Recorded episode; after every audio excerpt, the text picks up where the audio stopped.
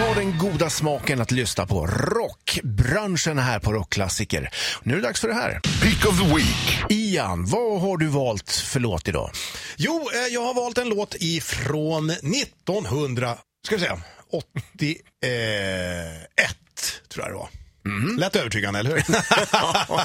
jo, eh, det var så här, alltså, jag är ju stort Rainbow-fan. Det, var ju, Rainbow var ju min första riktiga rockkonsert och Mm. i Rainbow så sjöng ju då Ronnie James Dio. Och hur som helst, han åkte ju ut med arslet före från bandet och alla fick ju sparken ifrån Rainbow förr eller senare. Jaha. Och då vart man ju lite ledsen i ögat som stort fan då av eh, Rainbow och Dio. Ja, du kanske ställer dig frågan, men vad ska lilla Ronny göra nu? Ja, och svaret fick jag ju då när han kliver in och eh, tar över som sångare i Black Sabbath. Efter att Ozzy Osbourne då söp och knarkade ut sig ur orkestern där. Vet du. De släppte ju första plattan 1980 då, Heaven and Hell med Dio som sångare. En, en klassiker i sig.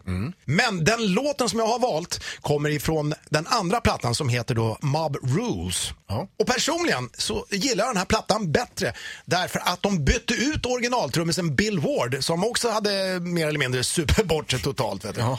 Och plockade in en ny trummis eh, vid namn Vinnie Appice. Och jag minns att jag varit hänförd av Vinnie Appices eh, trumsound och hans stil att spela. Eh, det har influerat mig väldigt mycket. Vill du presentera låten? Låten heter Voodoo och kommer från sagda album Mob Rules.